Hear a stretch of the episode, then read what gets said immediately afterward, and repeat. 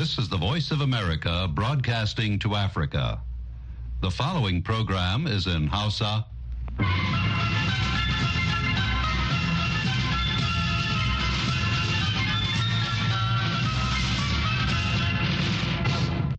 Sashen Hausa na muryar Amurka ke magana daga nan birnin Washington DC.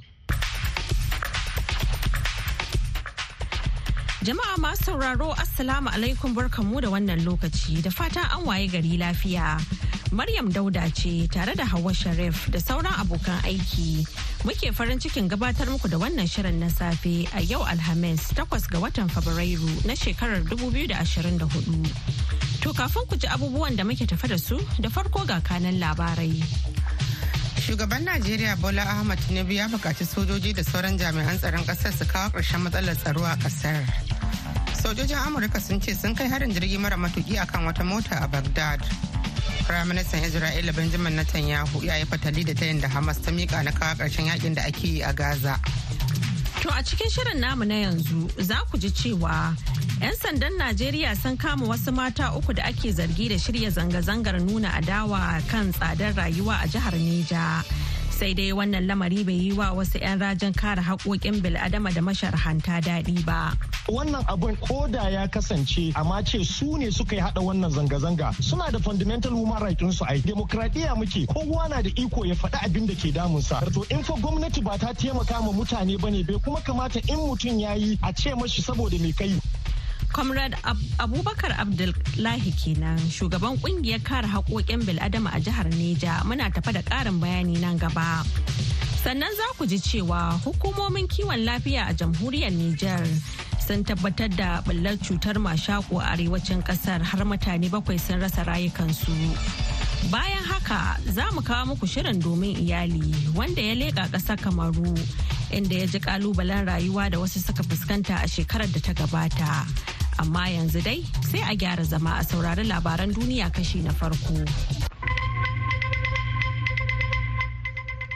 Jama'a Assalamu alaikum barkanmu da asuba ga labaran mai karantawa Hauwa Sharif. Shugaban Najeriya Bola Ahmed Tinubu ya buƙaci sojoji da sauran jami'an tsaron ƙasar da suka ƙarshen matsalar tsaro da ta wato da ta da baibaye ƙasar. Shugaba Tinubu ya ba da wannan umarnin ne yayin kaddamar da wasu jiragen yaƙi da zumar cimma wannan buri. A hirar shi da murya amurka kakakin mayaƙan saman najeriya air vice marshal edward gabuward ya ce akwai karin jiragen da suke sa ran samu nan ba da jimawa ba. Daga jun shekarar da ya wuce zuwa yau mun karɓi sabon jirage guda biyar. Kuma muna jiran kusan over 45 fighter aircraft guda 24 za mu karɓi daga daga italy. So akwai su daban-daban nan da can. Abin da yasa ana faɗi cewa a international community cewa a mun ƙarshen shekarar nan nigerian air force za ta zama the most powerful air force a Afirka. To ko waɗannan jiragen yaƙi da aka kaddamar a halin yanzu waɗanne iri ne kuma menene tasirin su?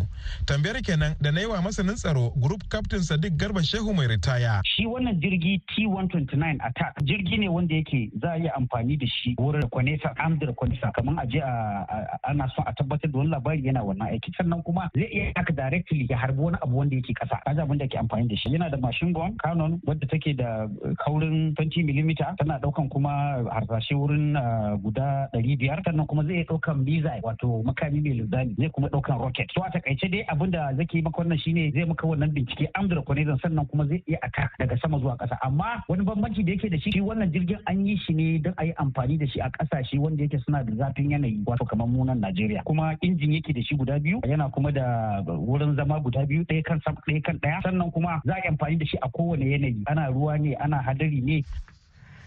Sojojin amurka sun ce sun kai harin jirgi mara matuki akan wata mota a baghdad da ya halaka wani shugaban ƙungiyar mayaƙan da iran ke marawa baya. Rundunar tsakiya ta dakarun amurka mai kula da ayyukan soji a yankin gabas ta tsakiya ta ce harin na ranar talata ya hallaka kwamandan ƙungiyar mayaƙan mai suna kataib hezbollah wanda kai tsaye ke da alhakin hare-haren da aka riƙa kaiwa akan dakarun amurka a yankin. Jami'an amurka biyu sun tabbatarwa da murya amurka cewa kwamandan wissam muhammad arsad shine mai kula da ayyukan ƙungiyar. Hotunan da suka riƙa yawa shafukan sadarwar zamani sun nuna katin shaidar shi na ƙasar iraki da aka cire daga aljihun taguwar shi. A can baya murya amurka ta rawaito cewa dakaran amurka na da hannu a wani hari ta sama da aka kai akan wani muhimmin wuri a yankin na gabas da tsakiya amma dai ba su tantance alsayidi ta sunan shi ba. A ranar laraba firaministan isra'ila benjamin netanyahu ya yi fatali da harin da hamas ta mika na kawo ƙarshen yaƙin da ake gwabzawa a gaza inda ya sha alwashin ci gaba da kai hari kan mayaƙan hamas din har sai ya cimma abin da ya kira da cikakkiyar nasara. Shugaban na isra'ila ya yi kememe yake amincewa da tayin na hamas kan kawo ƙarshen faɗan da ake wato aka kwashe watanni huɗu ana gwabzawa. Da sakin kimanin mutane ɗari da hamas ɗin ta yi garkuwa da su ta yin musaya da ɗaruruwan falastina da isra'ilan ta tsare a matsayin bursunoni.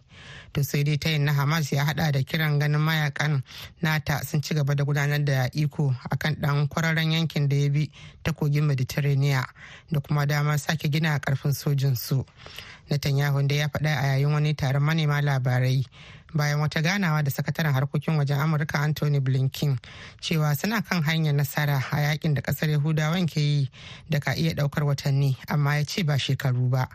Ana sauraron labaran ne daga nan sashen Hausa na murya Amurka a birnin Washington DC. To madalla kafin ku ji karashen labaran duniyar za mu leƙa ɓangaren rahotanninmu. Rundunar 'yan sandan Najeriya ta ce ta kama wasu mata guda uku da ake zargin suna da hannu wajen shirya zanga-zangar nuna damuwa kan tsadar rayuwa da aka yi a jihar Neja a ranar Litinin ɗin da ta gabata. Lamarin da ya sa 'yan rajin kare harkokin bil'adama da masu sharhi kan harkokin yau da kullum mai da martani. Wakilin muryar Amurka Mustapha Nasiru Batsari ya aiko mana da wannan rahoton. A wata sanarwa daga kakakin 'yan sanda na jihar Niger DSP Wasiu Abiodun ya ce daga cikin matan har da Aisha Jibril 'yar kimanin shekaru talatin da aka ce ita ce ta tsara yadda aka gudanar da wannan zanga-zangar.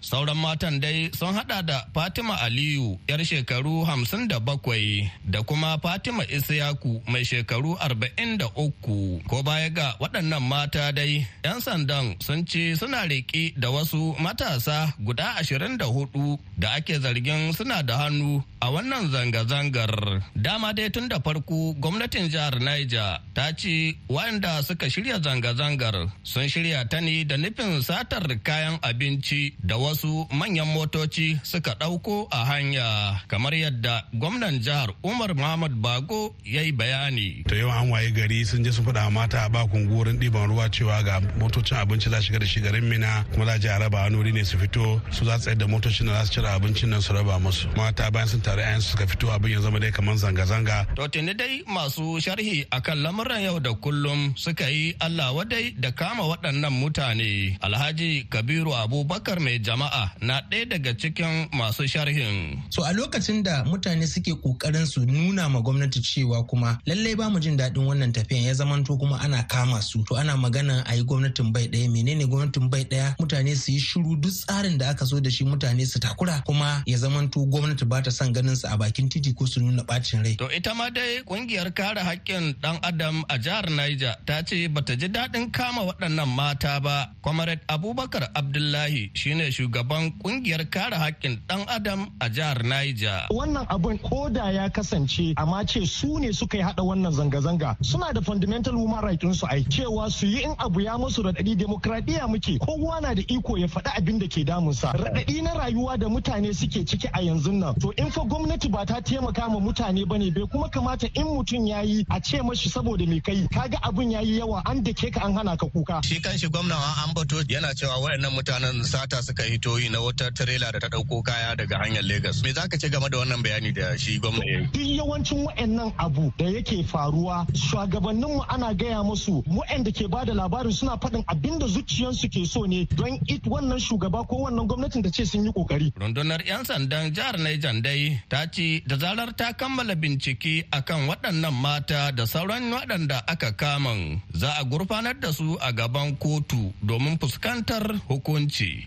Mustapha Nasiru Batsari, murya Amurka daga Mina a Najeriya. A gaida Mustapha Nasiru Batsari. Shirye-shiryen na zuwa muku ne daga nan sashen Hausa na muryar Amurka a birnin Washington DC. To yanzu kuma ga karashen labaran duniya.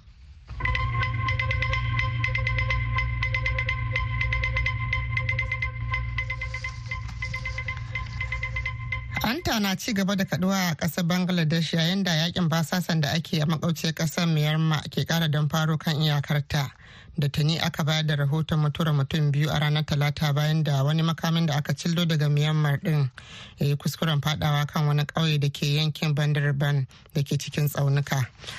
Kwana da sanin hakan ya sa bangladesh in ta sa dakarunta na masu zaman kokarta kwana kan iyakarta da jihar rakhine da ke kasa ta myanmar mai tsawon kilomita 270 inda za su mai da hankali akan yankin iyakar na wani kogi mai suna kogin naf.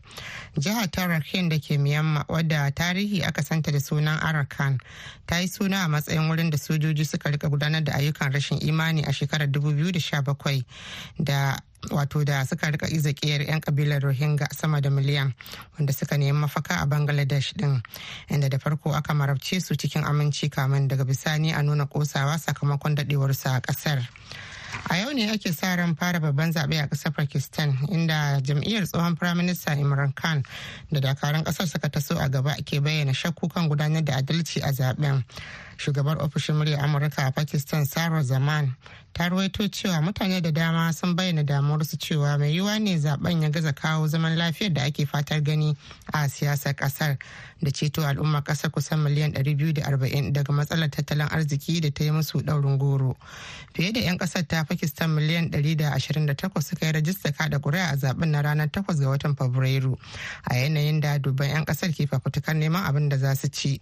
Matsalar farko da ake gaban duk wanda ya lashe zaɓen ana ganin ita ce magance matsalar hauhawar farashin kayayyaki da ya tashin goron zabi a ƙasar da ke karya lagon al'ummar ƙasar.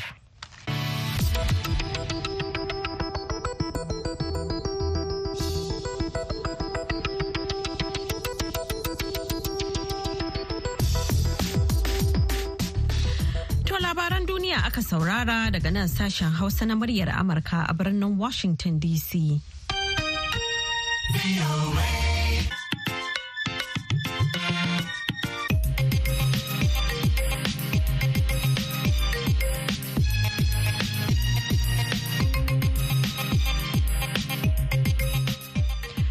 To yanzu kuma za mu sake komawa ɓangaren rahotanninmu. Hukumomin kiwon lafiya a jamhuriyar Nijar sun tabbatar da bullar cutar mashaƙo a arewacin ƙasar inda mutane fiye da saba'in suka kamu da cutar yayin da wasu bakwai kuma suka rasu. Tuni dai hukumomi suka ɗauki matakin hana yaduwar cutar ta hanyar ba da magani kyauta ga duk wanda aka ga alamun cutar a tattare da shi da kuma wayar da kan jama'a. Wakilin muryar Amurka Ahmed Mahmud na ɗauke da ƙarin bayani a cikin wannan rahoton. A halin da ake ciki yanzu an tabbatar da mutane saba'in da suka kamu da cutar mashako ko dubteriya a ƙananan hukumomi da dama da ke arewacin Nijar inda cutar ta yi sanadiyar mutuwar mutum bakwai. Mafi yawa waɗanda suka kamu da cutar yara dai da kuma tsofaffi. Jihar Agadez na daga cikin jihohin Nijar da cutar ta fi kamari inda tuni hukumomin kiwon lafiya suka ɗauki dukkan matakan daƙile bazuwarta ta hanyar ba da maganin rigakafin cutar a yankunan da aka samu bullarta Hamisu Mamman Lawali jami'i ne a ma'aikatar kiwon lafiya ta jihar Agadez da ke arewacin Nijar. Mun samu mutum saba'in da suka kamu da rashin lahiyar wannan kuma mutum bakwai sun riga mu gidan gaskiya Allah ya ji kansu. To a dukkan alamu da yadda muke gani ana ganin kan gadan abin kan matakan da muke ɗauka ana ci gaba da ba ma duk wanda ya zo rashin lahiya ana ba shi magani kuma kyauta kuma muna ci gaba da wayar da kai kuma muna kara bincike na kwakwaf bisa kan ina aka kwana kuma ya ne abin yake gudana don saboda kal a samu matsala ta yi kamari. Tuni aka kafa kwamitin da ke tattaunawa kan yadda za a shawo kan cutar inda aka kafa wani tsari na yi wa mutane gwaji domin gano cutar in ji dr yusha'u da ke zaman shugaban ƙananan asibitoci a agades akwai tsari da ake doka na prelevama kamar rashin lahiya in ana so a gano ita ce da sai an yi doki a abin cikin makogoro ne ake kankara sai an nasa aka shi ma an samu kayayyakin da ja a jiski an kai an kai ma kowane gidan likita kankana daga mutum ya zo da buɗe ake alika a gani cikin makoshin shi. Don an gani akwai sai a dan kankara a sa aika hayya mai abinci ko a gani. Hukumomin dai sun ce ta hanyar wayar da ka al'umma wajen zuwa asibitoci ne zai iya magance ba wai mashako ba har da ma wasu cututtukan. Bisa kan zuwa gidan likita da mazan maza saboda in ciwo aka je da wuri sai ka ga magani nan da nan an samu kan gadan eh, abun. Abu bai ɓaci ba nan da nan eh, za a maka magani kuma nan da nan sai ka ga mutum ya tashi. Musamman ma kuma a kiyaye tsayawa a gida a ringa sayo magani a shago ko a tebur. A tahi gidan likita zuwa gidan likita shine mataki mafi inganci in ana so a ciwo kan ita wannan rashin lafiya. Hukumomin kiwon lafiya sun buƙaci ga jama'a da su sanya ido sosai tare da kai rahoton duk wanda aka ga alamun cutar a tattare da shi domin ɗaukar matakin da ya dace na gaggawa. Hamid mahmud murya amurka daga agadas jamhuriyar niger madalla a gaida hamid mahmud. Har yanzu dai kuna tare da sashen Hausa na muryar Amurka a birnin Washington DC a kan mitoci goma sha shida ashirin da biyar da kuma talatin da ɗaya. A jamhuriyar Nijar kuma za a iya saurara mu ta tashar mu ta VOA Africa a kan mita ɗari da biyu da ɗigo biyar zangon FM. Bayan haka a ko da yaushe za a iya kama mu ta yanar gizo a voahausa.com ko kuma sashen hausa.com. Yanzu kuma ga shirinmu na gaba. Ya Allah ya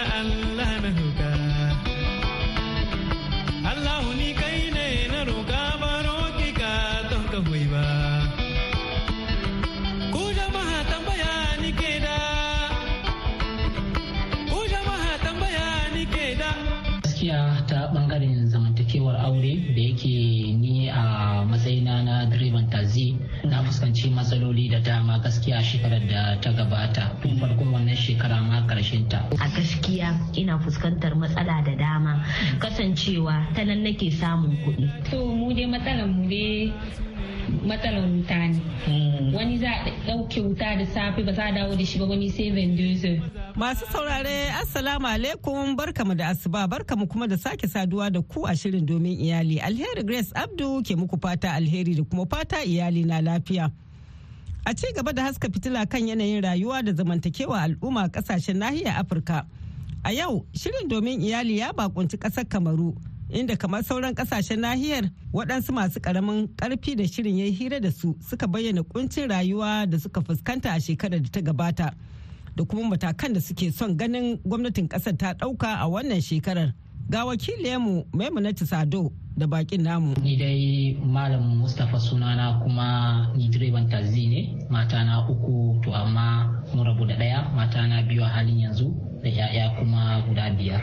Gaskiya ta ɓangaren zamantakewar aure da yake ni a matsayina na direban tazi na fuskanci matsaloli da dama gaskiya shekarar da ta gabata. Tun farkon wannan shekara ma ƙarshen ta. To kuma inda na fi fuskantar ƙalubale a kusan ƙarshen shekarar ne kunce tsakiyar shekarar da ta gabata inda muka fara fuskantar tukunna matsalar ƙarancin man fetur. Wanda gaskiya ya tada hankulan mutane matuka wanda wannan lokaci masu ababen hawa yan tazi da ma wato masu mashina eh, sun fuskanci wannan ƙalubale. To kin ga wannan al'amari ya shafe mu. To wannan dai ya kai ga har ma na yi zama a gida wanda babu damar fitowa da ainihin tazi kin ga kuma tazi da wannan man fetur yake aiki.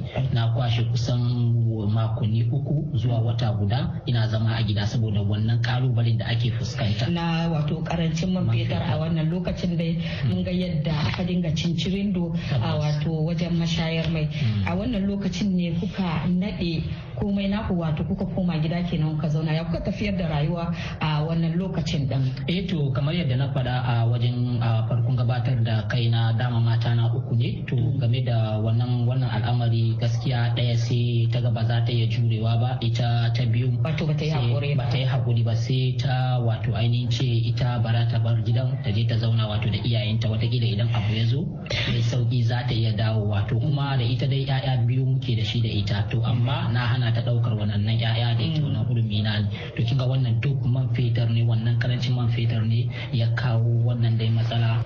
Ko da yake alhamdulillah yanzu dai ana ganin canji. To amma kuma gwamnati bata fito a hukumance ta bayyana cewa ga wasu ƙarancin da aka samu ko kuma ragowar ko kuma wato ainihin eh, kashe eh, karya wannan wato farashi na man fetur ba. Kinga da za a fuskanci wannan eh, insha Allah ina da yakini ko kuma ina da wato manufa da zan je in bi ku matata in dawo da ita gida. Sannan kuma kamar yadda ake maganar cewa ma a shekara 2024 za a samu hawar farashin wannan man fetur. To kin ga abin kuma yana nan kuma ya zo kuma murmurde ana fuskantar ƙalubale matuka. To kin ga tunda ana kuma hasashen za a samu hawan farashi to kin ga ashe kenan akwai wahala kuma ta ce za ta dawo ta ci musamman a yayin da aka saurari jawabin shugaba kasa fulbiya Mm. wanda a yayin jawabin sanda ya na ƙarshen shekara inda ya bayani akan cewa ba mamaki a samu wato karin farashin man a wannan alkawarin sai ne babbar an ce kin san sa bai mana wannan alkawura shafa mana mai a baki amma kuma ba a gani sakamako ba a gani ci gaba akan waɗannan alkawuran ko kuma cika alkawuran da suke cewa a koda yaushe. Muna da fata wannan karo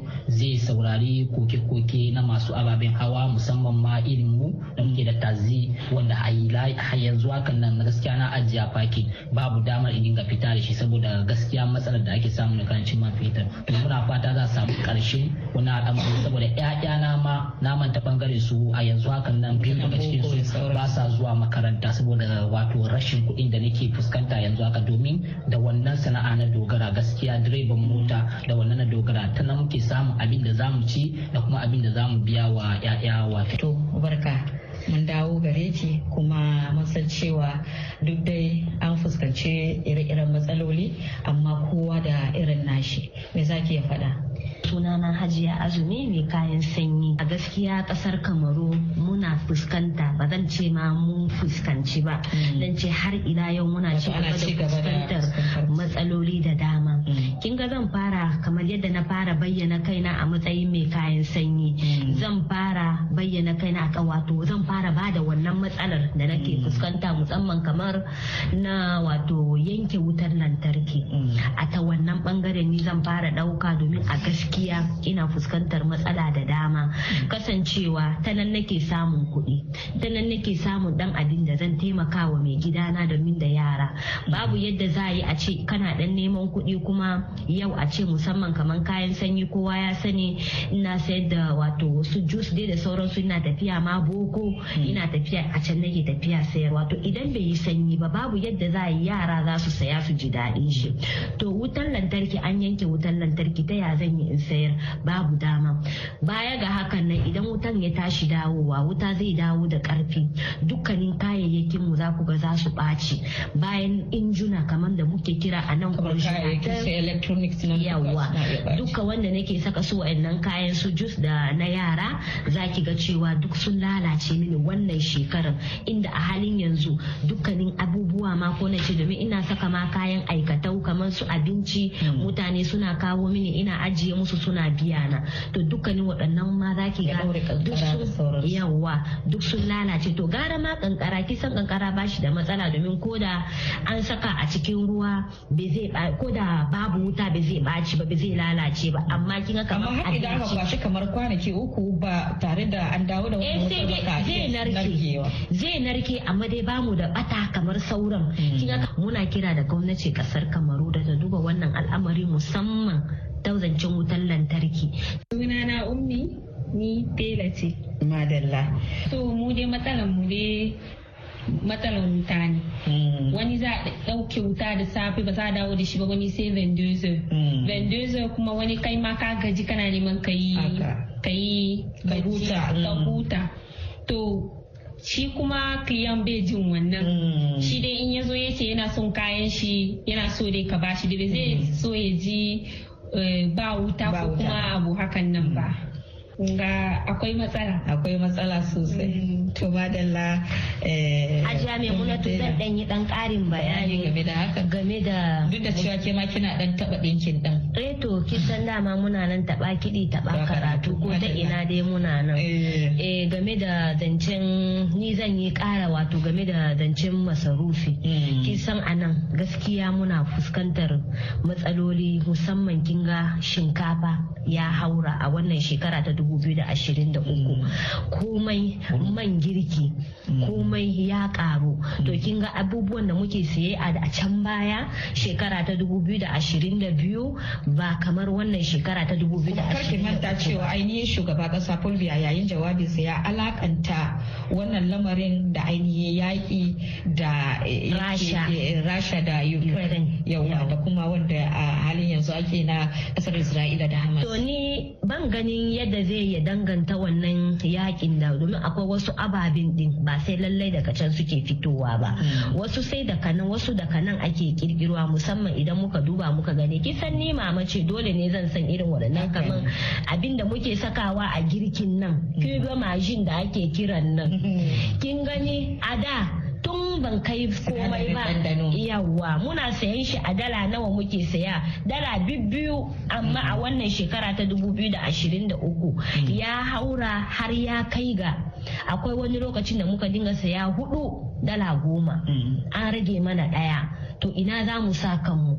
Gishirin da ake daurawa dala biyar biyar ya kai ga dala yanzu dala goma ake daura shi. To kin ga ina za mu saka kanmu? To binciken shirin domin iyali na nuni da cewa waɗannan matsaloli da bakin shirin suka ambata matsaloli ne da suka zama ruwan dare game nahiya. Kamar yadda muka saba za mu ci gaba da haska fitila kan abin da ya tsone wa iyali ido a rayuwar yau da kullum da burin ganin an sami ingancin rayuwa da ci gaban al'umma. Nan kuma za mu sallama da bakin namu a ƙasar Kamaru Hajiya Azumi mai kayan sanyi da Malam Mustapha direban tasi sai kuma Malama Ummi Tela muna godiya ta musamman ga wakilinmu Maimunatu Sado da ta yi hira da su da kuma Dadi Balawe da ya daidaita sautin shirin a madadin su duka alheri ke cewa Allah tabbatar mana da alherinsa. Kai mata su ne duniya su ne daɗin duniya. Madalla a gaida Grace Alheri Abdu. To yanzu kuma ga wannan saƙon. Can hakika ba da tangarɗa ba kan marar ilimi abun rainawa himma da ƙwazo ƙoƙayen musulminku jama'a kiranmu nake bisa dagewa bisa tattalin neman sani kowanne.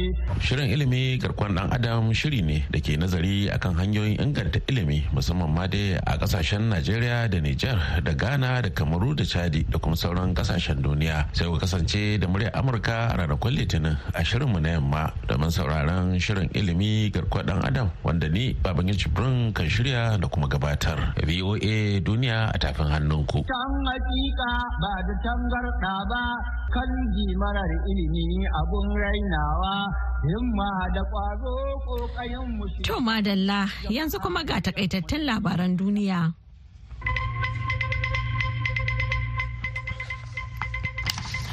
Sojojin amurka sun ce sun kai harin jirgi mara matuki akan wata mota a birnin baghdad da ya hallaka wani shugaban ƙungiyar mayaƙan da iran kimarawa baya.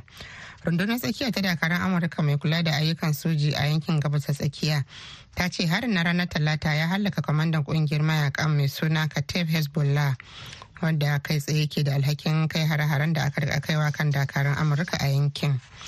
A ranar laraba firaministan isra'ila benjamin netanyahu ya yi fatali da wani tayin da hamas ta mika na kawo ƙarshen yaƙin da ake a gaza inda ya sha alwashin ci gaba da kai hari akan mayaƙan hamas din har sai ya cimma abin da ya kira cikakkiyar nasara. Shugaban na isra'ila ya yi kememe ya ki amincewa da tayin na hamas na kawo ƙarshen faɗan da ake kwashe watanni huɗu ana gwabzawa a gaza da sakin mutane kimanin ɗari da hamas ɗin ta yi garkuwa da su ta yin musaya da ɗaruruwan falastinawa da isra'ilan ta tsare a matsayin bursunoni. Anta na ci gaba da kaduwa a bangladesh yayin da yaƙin basasa da ake a makauciyar ƙasar myanmar ke kara dumfaro kan iyakarta. Da tuni aka ba da rahoton mutuwar mutum biyu a ranar talata bayan da wani makamin da aka cillo daga myanmar din ya yi kuskuren fadawa kan wani kauye da ke yankin bandaraban da ke cikin tsaunuka. A yau ne ake sa ran fara babban zaɓe a ƙasar pakistan inda jam'iyyar tsohon firaminista imran kam da dakarun ƙasar suka taso a gaba ke bayyana shakkunsu akan gudanar da adalci a zaɓen shugabar ofishin murya amurka a pakistan sarah zaman ta rawaito cewa mutane da dama na bayyana damar su cewa mai yiwuwa ne zaɓen ya gaza kawo zaman lafiyar da ake fatar gani a siyasar ƙasar da ceto al'ummar kasa kusan miliyan 240 daga matsalar tattalin arziki da ya musu daurin goro fiye da 'yan ƙasar ta pakistan miliyan 128 suka rajista kada kuri'a a zaɓen na ranar 8 ga watan fabrairu a yanayi da duban 'yan ƙasar ke fafutukar neman abin da za su ci. To ma sauraro da haka muka kawo ƙarshen shirinmu na wannan lokaci sai kuma an jima da hatsi za ku ji maimaicin wannan shirin. Yanzu a madadin Hawa Sharif da ta taya na gabatar da shirin da Dadi Balawai wanda ya haɗa shirin da ba da umarni da ma injiniya mu Mr. Charleston. Ni Maryam Dauda ke cewa ku huta lafiya.